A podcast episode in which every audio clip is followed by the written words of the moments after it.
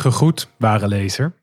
Welkom bij Oorschot, de podcast van uitgeverij van Oorschot. Mijn naam is Igna Schoot en vandaag ga ik in gesprek met Geert-Jan de Vught over zijn net verschenen boek Vonkelrozen over vingerafdrukken. De Vught promoveerde als literatuurwetenschapper aan Tilburg University op een proefschrift over politieke dandies. Hij schrijft over poëzie voor de Volkskrant en hij is coördinator wetenschap en kunst aan de Koninklijke Nederlandse Academie van Wetenschappen. In Vonkelrozen duikt de Vught in de geschiedenis van de vingerafdruk. In het begin van de 19e eeuw was het al een fascinatie van een Tsjechische ex-monnik, Jan Purkinje. Hij deed een eerste van vele pogingen om vingerafdrukken te klassificeren en te ordenen en hij noemde de wetenschap van de vingerafdruk soms ook wel de kunst van het individualiseren. Geïnspireerd door die omschrijving verkent de Vught in negen essays werelden van kunst en wetenschap, op zoek naar wat schrijvers, bureaucraten, wetenschappers, kunstenaars, handlezers en goochelaars ons te zeggen hebben over vingerafdrukken, onze obsessie met zichtbaarheid en onzichtbaarheid en het stiekeme verlangen om spoorloos te verdwijnen. Toen lag hij s'avonds op bed met bebloede handen. Want hij schuurde met zijn, met zijn handen over dat lin of over het karton. Spieren helemaal verzuurd. Dan beseft hij ook, ik heb mezelf alleen maar sterker naar voren gebracht. Sporen achtergelaten. Het is, het is onmogelijk om spoorloos te verdwijnen.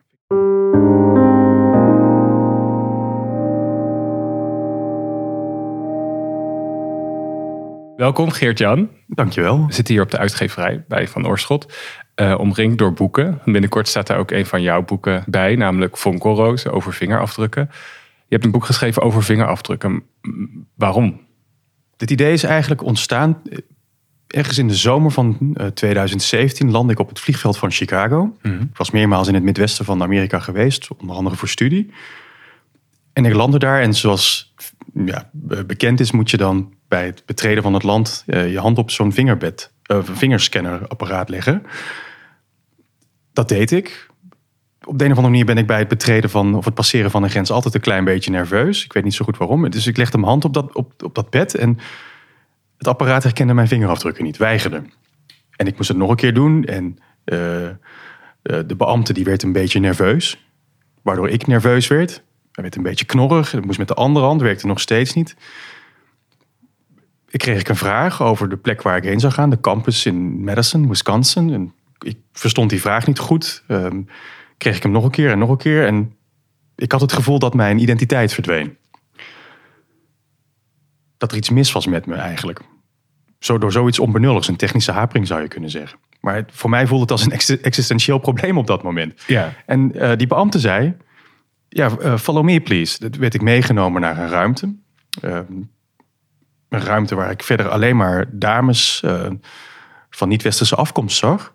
En ik zat daar, ik moest mijn paspoort afgeven. En ik zat daar te wachten. Dat heeft denk ik een kwartier, twintig minuten, misschien een half uur geduurd. En toen kwam uh, die beambte terug, die gaf me mijn paspoort. It's okay, you can go now. In die ruimte keek ik naar mijn vingertop. Ik dacht, wat is er toch mis met mijn handen... waardoor ze nu geen, of niet herkend kunnen worden door dat apparaat. was voorheen wel gelukt. Ik keek naar mijn vingertoppen en ik ik zag gewoon keurige vingerkussens en, en, die, en die, die, die cirkelende lijnen, die krullende lijnen. En ik begon ernaar te staan. Ik dacht, eigenlijk zijn dat hele mooie patronen. Ja. En wat zit daar wel niet achter? Op dat moment kwamen er allerlei vragen in me op. Wat voor vragen kwamen er in je op? Afhankelijk uh, vragen over de esthetiek van, van, van zo'n lijnenpatroon, arabesque eigenlijk. Um, vervolgens kwamen er vragen over identiteit in me op. Wanneer heb je voldoende grond om een, om een om een afdruk te matchen met een identiteit bijvoorbeeld. Hoeveel punten van gelijkenis heb je nodig? Hoe doe je dat? Um, waar komt eigenlijk deze, de, deze gedachte dat we aan de hand van onze vingertoppen een persoon kunnen identificeren, waar komt die vandaan? Die vragen begonnen langzaam zo door mijn hoofd te zweven. En toen ben ik um, eigenlijk tijdens die reis nog uh, op zoek gegaan naar literatuur over vingerafdrukken. Ben ik begonnen met het nemen van notities. Ik ben me heel erg gaan inlezen. En uh, dan kom je natuurlijk in een forensische geschiedenis. Medisch-antropologische geschiedenis ook. En dat, ik dacht, daar is veel over geschreven. Dat vind ik dan persoonlijk, dat vind ik waanzinnig interessant. Maar ik, wilde niet, ik voelde dat ik daar niet een boek over wilde maken. Ik dacht dat dat identiteitsvraagstuk, of de, die, de identificatievraagstuk, zo moet ik het denk ik zeggen, is, is breder dan louter het forensische. En in dat lezen ontdekte ik dat er ook een, een hoop kunstenaars en schrijvers, literaire auteurs ehm, en niet-wetenschappers iets met vingerafdrukken hebben gedaan. En die werden dan wel genoemd in die geschiedenis of in die boeken over dactyloscopie, vingerafdrukken. Maar er werd niks mee gedaan. Alsof je een voorbijganger groet, zo van hé, hey, een vage bekende van hé, hey, ja, oh ja, hi, daar ben je ook nog. En vervolgens snel doorloopt. En ik dacht, hé, hey, dat is interessant. Uh, wat heeft Mark Twain, bijvoorbeeld de naam die veel voorkomt in de literatuur, wat heeft Mark Twain met vingerafdrukken Een Amerikaanse auteur. Amerikaanse auteur, inderdaad, 19e eeuw. Uh, wat heeft Thomas Buick, een Engelse houtgraveerder, begin uh, 19e eeuw, echt rond 1800, wat heeft hij met vingerafdrukken gedaan?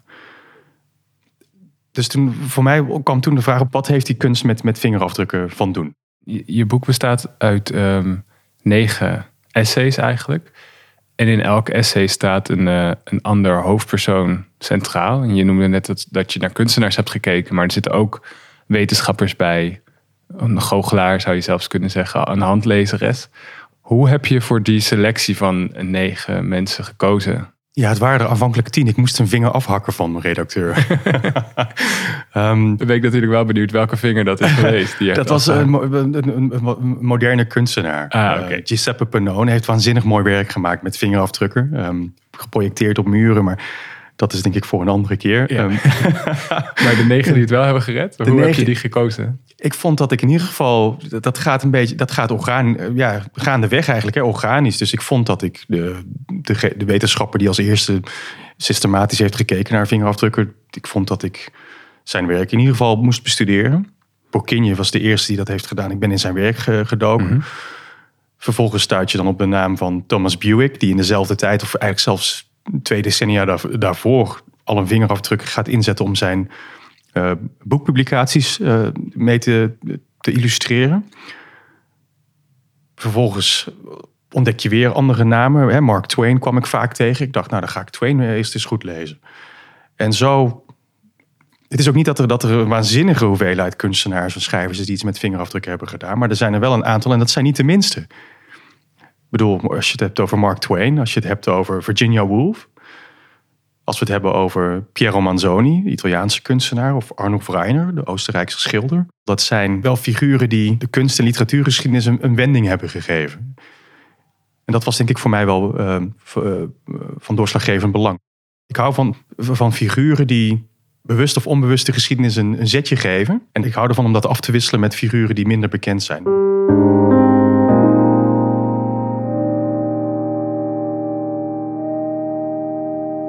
Als ik het boek lees, begint het eigenlijk heel erg over de vingerafdruk. En het, het begint als een soort uh, geschiedenis van hoe um, aan het begin probeerde um, dat te ordenen. En, en daar een soort uh, klassificatiesysteem voor te maken. En de eerste paar hoofdstukken die, gaan daar, die borduren daarop voort. En die gaan eigenlijk ook over hoe vingerafdrukken de manier werden om individuen, gevangenen, criminelen. Um, grotendeels ook in India gaat het veel over koloniale, uh, de bevolking van India, om die te kunnen identificeren en eigenlijk ook te beheersen. Absoluut. Ja. Neem ons eens mee in hoe werd die vingerafdruk, waar die Porkinje door gefascineerd werd, hoe is dat verworden tot echt een identificatiemiddel? Ja, wat ja. we, als we de tv aanzetten in een misdaadserie, spreekt het voor ons helemaal voor zich. We snappen wat. Wel, niemand hoeft uit te leggen waarom ze op zoek zijn naar een vingerafdruk. Ja.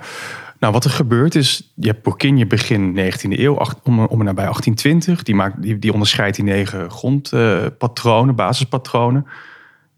Op dat moment heb je ook Thomas Buick, de Britse houtgraveerder, die wiens boeken eigenlijk in, in soort van pirateneditie zou je kunnen, verroofdrukken verschenen. Omdat hij zo populair was als houtgraveerder, begon hij zijn eigen boeken te, uh, te signeren, zou je kunnen zeggen, met een houtgravure van zijn duim of vingerafdruk. Dat materiaal werd gelezen door de Britten die naar India afreisden om daar hun koloniale dienst te vervullen. Op dat moment heb je iemand, op dat moment op in 18, om, ja, 1857 ongeveer, heb je uh, William Herschel, Britse ambtenaar, die die moet contracten afsluiten met lokale ondernemers tussen aanhalingstekens, die hem van materiaal voorzien uh, om wegen aan te leggen, bruggen aan te leggen. En op dat moment besluit hij, op een van die momenten dat zo'n contract ondertekend moet worden. Uh, hij is in, in, in, onderhandeling met, met een persoon genaamd Konai. Neemt hij de hand van, of de arm van Konai beet en zegt: wacht, we gaan dit niet ondertekenen. We, gaan, we leggen jouw hand op, op olie of een vettige substantie en we drukken die vervolgens op, op het contract. Dat moment dat, dat, dat, dat de Brit de hand of de, de arm van Kona beet, beet neemt en die op een contract drukt en daar dus een handafdruk op achterlaat, dat wordt eigenlijk wel als, als het geboortemoment, het geboortepunt van, van de dactyloscopie gezien. Dan duurt het vervolgens nog een aantal decennia. Die handafdruk staat ook in je boek. Die handafdruk staat in mijn boek. Dat contract staat in mijn boek. Zeker. Dat is een beroemd. Dat is misschien wel het meest beroemde contract ooit afgesloten tussen twee personen. Niet helemaal even evenredig waarschijnlijk eh, qua macht. Inderdaad. Dat, dat is natuurlijk. Dat, dat speelt voortdurend een rol. En, en in, in India. En uh, Herschel gaat op dat moment gaat hij. Is er, is er een soort van interesse bij hem geboren? Hij ziet dat lijnenpatroon. Hij denkt: hé, hey, ik, ik, ik heb een middel gevonden om iemand te identificeren, anders dan handtekening. En gaat gedurende die, die, de volgende decennia voortdurend uh, van allerlei personen vingerafdrukken nemen.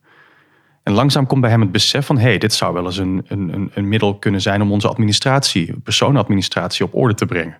En de bevolking meer te controleren.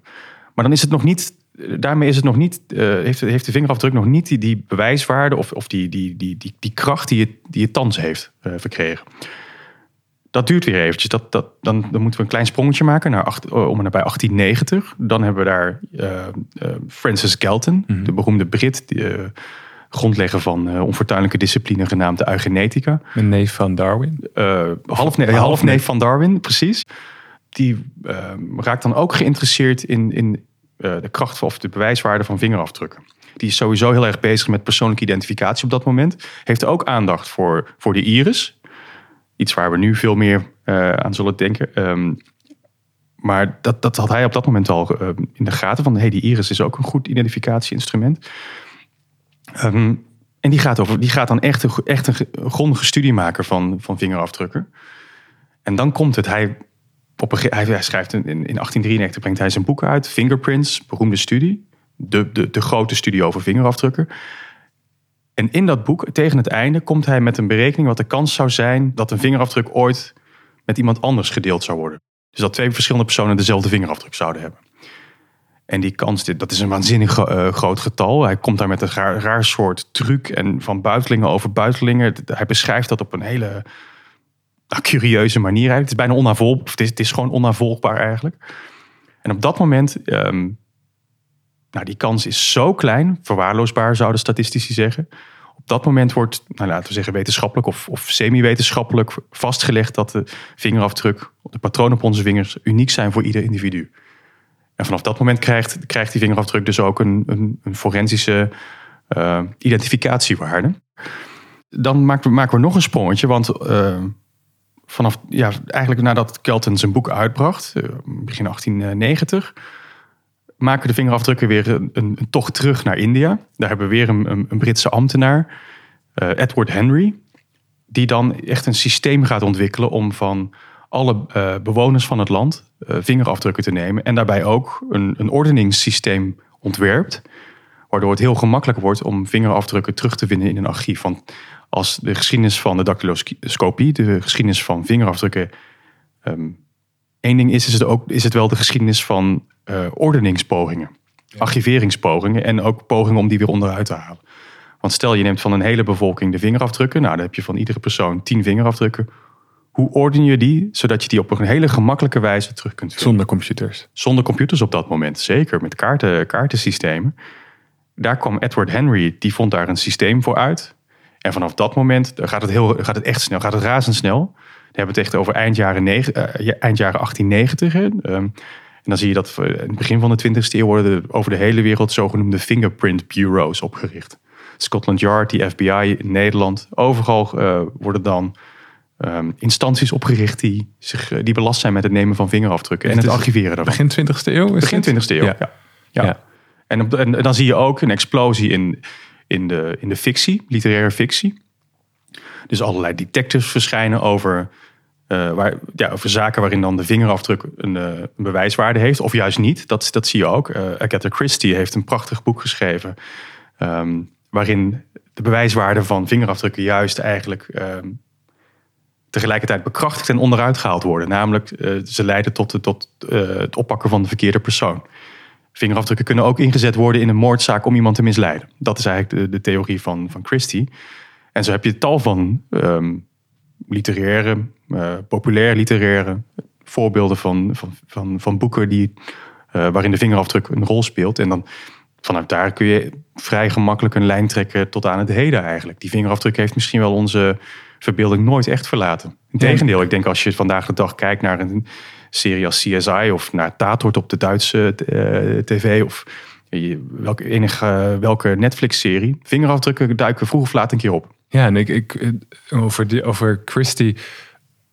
Wat ik, wat ik mooi vind aan je boek, en dat zeg je op een aantal plekken, is dat het moment dat je iemand kunt uh, identificeren, of dat er dus een vingerafdruk wordt gebruikt om een, contract aan te gaan, dat daar meteen de mogelijkheid in besloten ligt om ook weer daar fraude mee te plegen of dat te vervalsen. Dus um, wat Christie dus doet, maar wat nu ook natuurlijk met um, vingerafdrukken die overal aanwezig zijn om je mobiel te openen om een nou, eh, om een bankoverschrijving te doen, dat, dat je dus ook uit moet kijken dat, dat, dat niet iemand je vingerafdruk gaat namaken. Of, uh, um, en dat vind ik wel ook een, spannend iets, dat er met de geboorte van het gebruik van de vingerafdruk ook weer geboorte is voor allerlei pogingen om dat te omzeilen. Absoluut, dit is absoluut uh, het geval. En dat eigenlijk het, misschien wel het beste voorbeeld. Ik kom zo op, op, de, op de smartphone als je wil. Maar het beste voorbeeld hiervan is denk ik uh, het werk van Thomas Buick, de Britse houtgraveerder. We hebben het over 1800. Het zijn boeken die verschenen in roofdruk. Nog voordat zij, dat hij zelf eigenlijk een exemplaar in hand had, lagen ze al in etalage van de drukkers die ze verkochten. Zonder zijn naam op het titelblad. En daar wilde hij iets aan doen. Dan maakte hij een houtgravure van zijn duim. Uh, van zijn duimafdruk of van een vingerafdruk. Hij had verschillende patronen. En die zijn zo waarachtig dat um, verschillende rechercheurs in de 20e eeuw, eh, dan heb ik het echt over rechercheurs van de politie, onderzoek naar hebben gedaan van zijn dit werkelijk vingerafdrukken of zijn dit uh, miniatuurkunstwerken? En ze geven daar wel antwoord op, maar dat antwoord is ook dat dat, dat, dat, dat, dat ruimte voor twijfel. Nou, dat maakt op zich niet zoveel uit, maar wat, wat, waar, dit, waar het mij om gaat, is dat wat dit duidelijk maakt, is dat eigenlijk van aanvang af, dus vanaf het moment dat die vingerafdruk uh, of dat de dactyloscopie geboren wordt, dat die eigenlijk ook al uh, onderworpen is aan datgene wat het, wat het probeert te bestrijden, namelijk persoonsontkenning of vervalsing. Die vingerafdruk wordt van aanvang af vervalst. Dat is, dat, dat is iets, ja, dat fascineert me. Ik dacht van wow, eigenlijk die geschiedenis die haalt zichzelf al meteen bij de, bij de geboorte onderuit. Dat vind ik echt een, waanzinnig spannende gedachte. Ja. ja. En het boek gaat niet zozeer over smartphones en uh, bankaire technologie. Maar ik heb daar wel naar gekeken natuurlijk. En um, ik heb toen ook gewoon heel eenvoudig de handleiding van mijn eigen smartphone bekeken. En is opgezocht of daar iets in staat over de kans uh, dat, dat mijn vingerafdruk, waarmee ik dan eventueel mijn smartphone zou willen openen, hoe groot de kans is dat iemand anders dat ook zou kunnen met ja, een smartphone. Ja. Ik weet het precieze getal niet meer, maar dat was heel, die kans is, is veel groter dan wij uh, geneigd zijn te denken. Die, die, die, volgens mij ligt die op, op één staat op, op, op 20.000 of zo. Dus van 1, op de 20.000 personen zou met, met zijn of haar vingerafdruk jouw smartphone kunnen openen. Maken we hier ook een soort uh, cybersecurity spotje van, van dit interview? nou ja, ik bedoel, waarom zou... Ja, ik ga niet moraliseren, maar als je dat in gedachten houdt... Dat er, dat er dus in Nederland alleen al 600, 700, misschien wel 800 personen rondlopen... die, omdat die techniek zo toch, toch minder precies is dan we geneigd zijn te denken... dat er dus al zoveel mensen zijn die vroeg of laat een keer haar smartphone kunnen openen. Dan vraag ik me af of het niet veel veiliger is om een, uh, om een zes of hoeveel getallen het ook mag zijn, een zescijferige code te hanteren.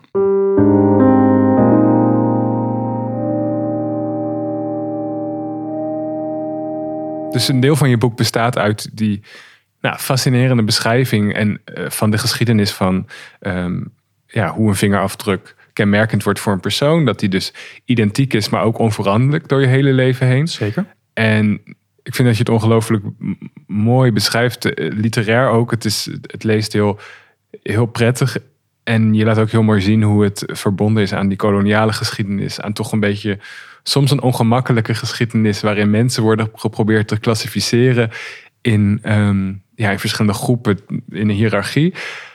En toch is toch die vingerafdruk, die verzet zich toch ook tegelijkertijd daar wel tegen, tegen dat laatste. Absoluut, um, absoluut. Ja. ja. want blijkbaar is het niet zo makkelijk te klassificeren. Die vingerafdruk is een soort mysterie eigenlijk. Absoluut. Nou ja, wat het vooral aan het licht brengt, denk ik, wat die vingerafdruk aan het licht brengt, is dat onze um, poging om, om, om mensen te differentiëren in, in bepaalde. We hebben het eigenlijk over raciale groepen. Hè? Ja. Dat, die, dat die raciale categorieën die men in de 19e eeuw bedacht, dat die uh, volkomen um, wetenschappelijk fout zijn, onbewijsbaar. Um, dat het fictie is eigenlijk. En dat, we zien dat bij eh, Francis Galton. Uh, we zien het ook bij iemand als een andere figuur waar we het eigenlijk helemaal niet over hebben gehad. Maar Duitse uroloog, medicus Arthur Koolman. Die, en goochelaar. En goochelaar in de, in de avonturen, zeker. Die had meerdere levens. En uh, die heel veel vingertrucs deed, kaartentrucs met vingerafdrukken. Um, maar die, zijn grote ontdekking, dacht hij zelf, was het zogenoemde simiade-type. Die dacht een soort van tussenstadium tussen uh, mens, aap en mens gevonden te hebben in de vingerafdruk blijkt totaal, totale kwatsch. En Francis Galton die was daar voortdurend naar op zoek om aan de hand van vingerafdrukken raciale categorieën te kunnen onderscheiden. En wat je dan ziet gebeuren als je de correspondentie, uh, dat is een waanzinnig interessante correspondentie, van, van Francis Galton leest. Dan zie je langzaam dat verzet, je ziet dat verzet, maar je ziet ook langzaam aan dat besef, die ontgoocheling ontstaan. Je ziet gewoon dat hij moet, op een gegeven moment moet hij toegeven dat wat hij ook doet, er is geen verschil tussen Um, de Joodse personen die hij heeft onderzocht, Afro-Amerikaanse personen, uh, mensen uit India en, en de Britten. En dan, hij gebruikt termen, ja, die neem ik liever niet in de mond, maar um, hij moet gewoon toegeven in, in die correspondentie op een gegeven moment, ja, dat, dat, dat daar eigenlijk geen raciaal onderscheid mogelijk is. Ja. En dat vind ik, dat vind ik een waanzinnig mooie gedachte eigenlijk. Dat, dat die vingerafdruk daar dus weerstand uh, biedt aan die behoefte van de mens om raciaal onderscheid aan te brengen.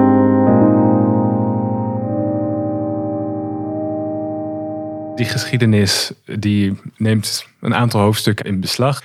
Daarna ga je toch voor mij een, ging je een verrassende kant op, waarbij het veel meer ook over uh, kunst gaat. En in, in het voorgesprek hadden we het erover dat je daarna steeds meer in je keuze vrijer wordt. De vingerafdruk is nog steeds aanwezig, maar niet meer in een soort uh, vanzelfsprekende, op een vanzelfsprekende manier.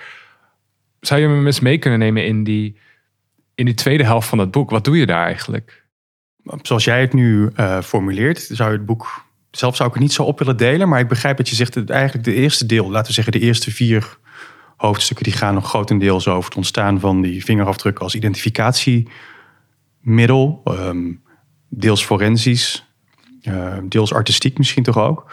En gaandeweg komt er steeds meer aandacht voor echt voor de kunst. Moderne kunst, uh, moderne literatuur. Ik heb het boek bevat een hoofdstuk over Virginia Woolf, die de handen liet lezen. Uh, twee, tot twee keer toe. En uh, door een handlezeres die ook een theorie had over hoe je aan de hand van vingerafdrukken iemands psychische gesteldheid kon aflezen. Nou, die was bij Wolf uh, vaak getroubleerd, zoals we weten. Prachtige beschrijvingen die in dat hoofdstuk zitten. Nou, dank je. Ja, ja, het, is, ja het, was genoeg om daarmee aan de slag te kunnen gaan. En, en ik dacht, ik kan vanuit die, uh, vanaf het moment dat die echt die, die forensische dactyloscopie, dus laten we zeggen even 1900 globaal gezien, ik kan vanaf dat moment kan ik doorgaan en beschrijven hoe dan die vingerafdruk in detectives een rol speelt. Uh, literaire detectives, maar ook uh, nou ja, uh, televisieseries. Ik dacht, maar dat is iets wat we allemaal kennen. Vind ik eigenlijk niet zo interessant. Ik vind het veel interessanter om te zien, nog steeds met die gedachte van het kunst van het individualiseren in mijn hoofd. Ik dacht van, ik wil die, die lijn wil ik nog even doortrekken en zien wat, wat, wat daar nog te, te vinden is. Nou, dan kwam ik via Wolf, kwam ik weer, ging ik weer een stap verder, kom ik uit bij het werk van Piero Manzoni, Italiaans conceptueel kunstenaar, jaren 50, jaren 60 van de 20e eeuw. En die heeft een waanzinnig interessante performance al dan niet gemaakt, want dat is het mysterie. Waarin hij een soort van katholieke mis opvoert. En in plaats van een hostie, um, gekookte eieren uh, beduimeld met, met vingerafdrukken uit, uitreikt. En de mensen worden geacht om die eigen vervolgens op te eten. Ja, want, want even, het, is dus, hij, is, hij was zelf aanwezig, in ieder geval in de beschrijving, met een soort misdienaars. En de performance was het koken van die eieren. Zeker. En daarna moest ieder, en de, de, de aanwezigen moesten om de beurt naar voren komen, zoals bij de Heilige Communie in de katholieke kerk. En die kregen dat aangereikt en zeiden dan ook amen. Als Amen, kregen. zeker. Ja, ja, ja. Dat, en dat, duurde, dat was in een beroemde galerie in, in, in Milaan, eh, de, de Galleria Azimuth. Duurde 70 minuten. Nou, dat is een stevige mis. Dat is een stevig mis. Dat is een stevige mis. En die, die, en die mensen die kwamen één voor één naar voren en die, die namen dan zo'n ei aan Met een vingerafdruk. met een erop. vingerafdruk erop. En hij gedroeg zich als een soort van messias bijna, hè, Manzoni. Die, die had ook een, speelde voortdurend te spel met, met, met deze goddelijke eigenschappen van de kunstenaar. Waarvan je soms niet, kunt, niet helemaal kunt bepalen of dat nou echt was of niet. Maar ik vond dat een interessant gegeven dat ook God zijn vingerafdrukken ergens op achter kan laten. En dat is ook een gedachte die je in, in, in quasi-wetenschappelijke literatuur tegenkomt, maar ook bij theologen. Dat God eh, in de mens een, of, en op de aarde vingerafdrukken heeft achtergelaten. Dus ik dacht van, hé, hey, dat opent weer een heel ander perspectief op de rol van vingerafdrukken. Ehm, overigens is die performance die, die, die Manzoni hield, daarvan is het niet eens zeker of die echt heeft plaatsgevonden. Hij, er, is, daar, is, daar zijn alleen ehm filmstils van gevonden, filmbeelden, niet bewegend. Een stuk of vier geloof ik, dat is alles. En er zijn een aantal brieven waarin hij spreekt over zijn performance. Dat hij die zelfs twee keer opgevoerd zou hebben. Eén keer in de Galleria Azimuth in Milaan en één keer in de Galerie Kupke in eh, Denemarken, in Kopenhagen. Hij schrijft aan allerlei bevriende kunstenaars. Nou, ik heb nou toch iets gedaan, dat moet je absoluut geheim houden. Ik heb een eetbaar kunstwerk geproduceerd. Men- Mensen eten mijn vingerafdrukken. Dat schrijft hij letterlijk. Mensen eten mijn vingerafdrukken. Kun je het je voorstellen? Maar als, hè, als je dan gaat zoeken naar bewijsmateriaal of, of naar sporen van die performance, dan blijkt, helemaal, blijkt er helemaal niks te vinden te zijn. Behalve dan die foto's. En die foto's zijn weer van een filmset. Dat zijn helemaal niet de foto's van de daadwerkelijke performance, maar dat, zijn, ehm, dat is in scène gezet. Nou, dat vond ik zo fascinerend. Dat, dat die gedachte dat, dat, hij een kunstwerk, dat hij beweert een kunstwerk te hebben gemaakt met vingerafdrukken die eetbaar zijn. En dat vervolgens de, de hele eh, bestaan van dat kunstwerk in twijfel wordt getrokken. Dat is zoiets. Ik vond het, zo, ik vond het vooral ook heel grappig eigenlijk. Ik dacht, het was, het was heel erg plezierig om eraan te werken. Maar iedere keer als ik er weer aan denk, moet ik hard lachen. En nu ook weer.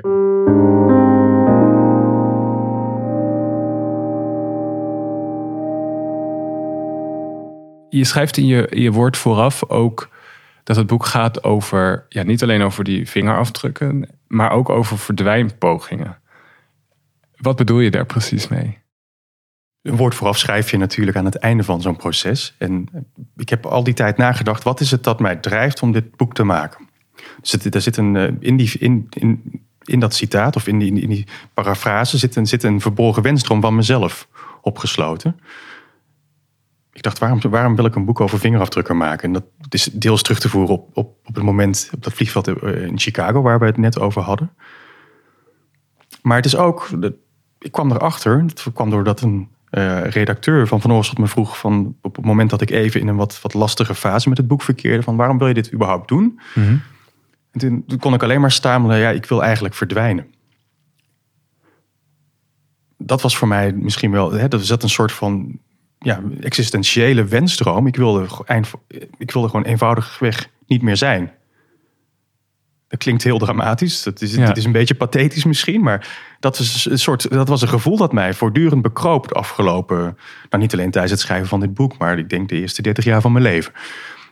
Toen ben ik, hè, dus ik ben die hoofdstukken gaan schrijven, één voor één. En ik dacht, hé, hey, maar het lijkt er eigenlijk wel op... alsof al die figuren, ieder op hun eigen manier... een poging doet om te verdwijnen. Om ergens in op te gaan of achter te verdwijnen. Boekinje ging op in een hallucinatie, of meerdere, meer, meermaals op in hallucinaties, waarin hij echt verdween. Hij liep twee weken rond met, met, met, met, met fonkelrozen voor zijn ogen. Wat, zijn fonkelrozen? Dat, dat, dat zijn eigenlijk de hallucinaties die hij had, die noemde hij flimmerrozen. Dat waren ehm, concentrische cirkelpatronen, dus cirkels in cirkels, die voortdurend oplichten en weer weggingen. Oplichten en weer weggingen. Twee weken lang. Hij had vingerhoedskruid. Hij had genomen. vingerhoedskruid, vingerhoedskruid genomen, digitale spoeporea. En twee weken lang, moet je je voorstellen, twee weken lang loopt hij met van die concentrische cirkels voor zijn ogen rond. Ehm, er zijn ook andere verdwijnpogingen. Mark Twain, die, die, alles in het werk van Mark Twain zou je kunnen zeggen draait om verdubbelingen. Dubbelgangenmotief, tweelingmotief. Het is alsof, eh, zelfs in zijn eigen pseudoniem, het is alsof hij zichzelf wou terugtrekken achter een andere figuur. Dit zouden we ook kunnen zeggen van Arno Reiner, waarmee het boek eindigt. Ehm, de Oostenrijkse kunstenaar. De Oostenrijkse kunstenaar, inderdaad. Die eigenlijk alles in het werk stelde. Die, hij, maakte portret, hij nam foto's van zichzelf en begon daarop te slaan met verf en op te vegen en te krassen. Niet eens zozeer uit de vorm van zelfhaat, misschien ook wel. Maar wat, wat ik eigenlijk beweer is dat hij, hij, hij probeerde zichzelf uit te wissen. Hij wilde, hij wilde opgaan achter, of, of verdwijnen achter die schilderkunst van hem. Dus op de een of andere manier denk ik dat in al deze negen uh, essays een, een verdwijnpoging schuil gaat van iemand. En, en neem me nog eens mee naar dat moment wel dat je met de uh, redacteur zat, um, die, aan wie jij opbiecht eigenlijk. Ik wil graag verdwijnen als de reden dat je het boek aan het schrijven was. Kan, kan je dat uitleggen? Want dat snap ik nog niet helemaal. Hoe, hoe hangt dat samen? Hoe hangt dat samen? Ja, dat is, dat, dat is ja, vrij persoonlijk, maar ik, dat, dat zal ongetwijfeld met mijn uh, geestelijk gemoed op dat moment uh, te maken hebben gehad. Gewoon een behoefte om, of een angst om zichtbaar te zijn. Um, het zal ongetwijfeld ook dubbel zijn en die angst zal ook een waanzinnige wens om zichtbaar te zijn aanwezig zijn als je het boek gaat lezen, zul je ook zien dat, dat ik bijvoorbeeld. Um, nu praten wij met elkaar en ik, nu gebruik ik nu op dit moment ook het woord ik. Maar in het boek komt geen enkele keer het woord ik voor. En ik heb in het verleden ook met ander schrijfwerk te maken gehad dat iemand tegen me zei: Noem jezelf nu eens een keer. Maar voor mij was het nee, je, je, je gaat. Dat werk spreekt voor zich. Dat, dat ben ik daar ben ik achter, daar ben ik in verdwenen, maar ik ben dat. dat klinkt, ook dat klinkt weer heel erg hoogdravend misschien, maar zo werkt het wel. Dat is gewoon een principe. Um, ik geloof dat Walter Benjamin was die op een gegeven moment een brief aan, aan, aan een geliefde schrijft en die zegt: Ik wil nooit meer het woord ik gebruiken. Dat heeft me zo getroffen, dat was precies het gevoel dat ik ook had. Dus je wilde verdwijnen in het schrijven van dit boek ook? Eigenlijk wel, ja. ja. ja ik weet, als ik het zelf zo zeg, dan denk ik. Wat pathetisch, maar ja, het is wel zo, ja. Ja, en, En, en nu, nu je het boek af hebt, is het gelukt? Ben je verdwenen? Nee, ik ben, dat, is, dat, dat is een hele goede vraag. Echt een hele goede vraag. Het, eh, precies het tegendeel is gebeurd. Dat is ook waar ik op ben gestuurd. En dat is waar volgens mij al die figuren in dit boek op stuiten. Dat hoe hard ze ook hun best doen um, om te verdwijnen, om op te gaan of, of spoorloos te verdwijnen, dat het tegendeel wordt gecreëerd. Dat ze des te sterker naar voren komen. Dus in elke verdwijnpoging kom je eigenlijk meer naar voren dan je. Ja, ja het mislukt. Eigenlijk is verdwijnen gedoemd te mislukken. Verdwijnen is gedoemd te mislukken. Dat geldt voor, als we nog eventjes het voorbeeld van Reiner eh, nemen, mhm. de Oostenrijkse schilder. Die was voortdurend bezig met het, met het beschilderen van zijn eigen portretten. Hij deed dat ook met andermans portretten, maar voornamelijk zijn eigen portretten, de zogenoemde Ubermalungen, over schilderingen. En het enige wat hij wou was een doek eroverheen leggen. Een kleed over zijn eigen portret trekken. En daarvan zou je kunnen zeggen, dus alles wat, wat, hè, waarvan, je, waarvan je zou zeggen, nou dat is een individu, je ziet zijn, zijn tronie, zijn gezicht. Al die individuele eigenschappen, die probeert hij toe te dekken. En dat is eigenlijk de andere pol, de uiterste pol van deze geschiedenis wat mij betreft. Dat is niet de, de, de manier waarop we met smartphones omgaan of met bankrekeningen. Nee, dat is die pol die door, door uh, Reiner is gesticht misschien wel. Dat is het uitwissen van het individu. Dus de kunst van het de-individualiseren zou je kunnen zeggen.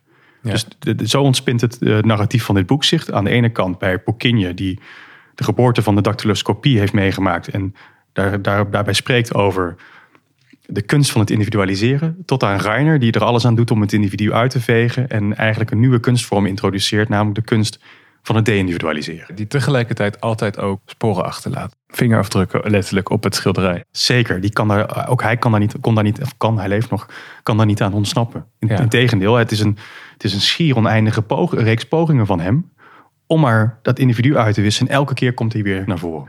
Die daar maar op zijn eigen gezicht staat te slaan. En te krassen. En te grommen. En te vloeken. En veeg na veeg aanbrengt. Aan het einde van, van zo'n sessie, duurde vaak maar enkele uur, was hij helemaal uitgeput, verzuurd. Hè. Dan lag hij s'avonds op bed met bebloede handen. Want hij schuurde met zijn, met zijn handen over dat lin of over het karton. Spieren helemaal verzuurd. Dan beseft hij ook, ik heb mezelf alleen maar sterker naar voren gebracht. Sporen achtergelaten. Het is, het is onmogelijk om spoorloos te verdwijnen.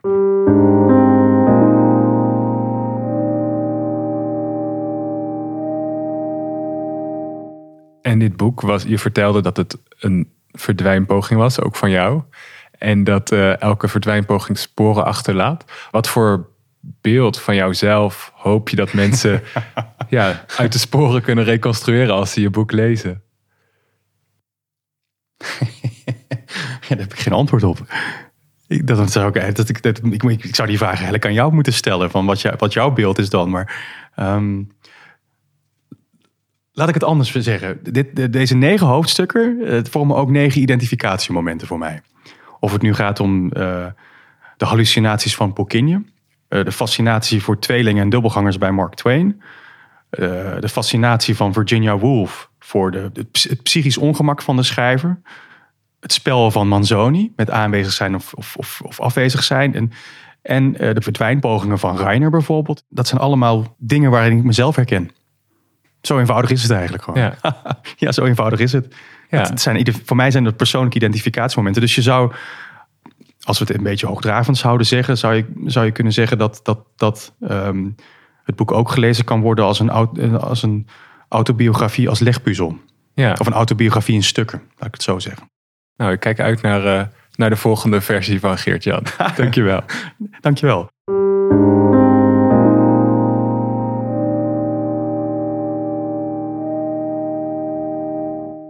Ik sprak met Geert-Jan de Vught over zijn boek Vonkelrozen, over vingerafdrukken. Vond je dit een leuk gesprek? Abonneer je dan op deze podcast. Laat een recensie of waardering achter of deel de aflevering via je sociale media. Vonkelrozen verscheen bij uitgeverij Van Oorschot en is te koop bij je lokale boekhandel of via vanoorschot.nl.